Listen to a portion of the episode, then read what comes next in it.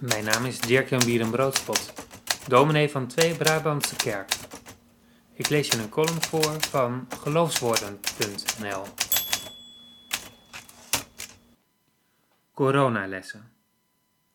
Deze week is het een jaar geleden dat de kerken hun deuren sloten. Het is zo'n mijlpaal waar weinig aan te vieren is. Zeker omdat de omstandigheden verdacht veel lijken op die van toen.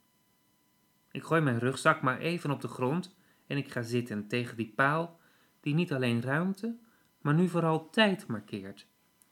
Dat moment van een jaar geleden lijkt ineens mijlen ver weg. Bij dit markeringspunt in de tijd kijk ik terug en blik ik wat vooruit. De vraag komt bij me op: wat heb ik van het afgelopen jaar geleerd? Heimwee naar gisteren, daar heb ik geregeld last van. Het zijn alleen wel de momenten dat ik niet verder kom. Ik ontdekte dat het verlangen naar vervlogen tijden bepaald niet nieuw is. De Bijbel kent verschillende verhalen en episodes waar dat tot uitdrukking komt. Spreekwoordelijk zijn natuurlijk de vleespotten van Egypte.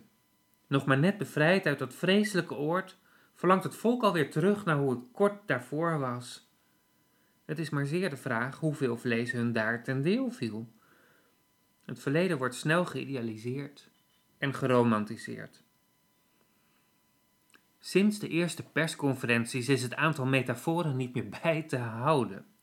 Maar terugkijkend is navigeren op de achteruitkijkspiegel denk ik wel een van de meest treffende geweest. En als dat niet zo is, dan komt het mij nu gewoon even goed uit. Want ik denk dat we dat niet alleen hebben gedaan volgens de bedoelingen van minister De Jonge. Hij bedoelde zoiets dat je op basis van cijfers van vorige week voorspellingen doet en maatregelen neemt voor volgende week. Maar we hebben ook heel veel genavigeerd op die spiegel om zoveel mogelijk het oude leven vast te houden.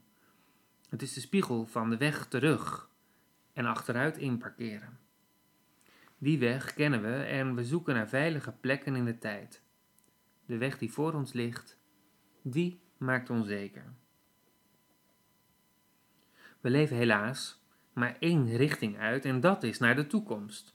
Vasthouden aan wat was of dat in elk geval willen, brengt je niet in een beloofd land. Het maakt zelfs dat het geen leven is in de woestijn. Het kost soms moeite om vertrouwen te houden. Mij althans wel. Gek genoeg kwam het toch steeds weer. Dat lag steeds in het hier en nu. Geen idee wat er morgen te gebeuren staat. Wat gisteren was, doet er niet zoveel meer toe. Er is steeds één vraag die van belang is. Wat staat me nu te doen? Edith Eager opende me overigens de ogen voor die vraag. Wat nu? Is ook de vraag naar roeping. Waartoe ben ik? Zijn wij op dit moment geroepen? Wat staat ons hier en nu te doen? Voor mijzelf betekende het dat ik ben gaan schrijven, columns, maar vooral gebeden. Ik schreef ze bijna elke week weer in een min of meer vast ritme. De hoorder, u, jij, kreeg het eindresultaat voorgeschoteld. Dat zal ik nog wel even blijven doen.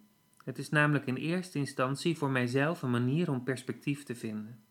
Deze wereld ook anders te gaan bezien. Er misschien zelfs een beetje grip op te krijgen.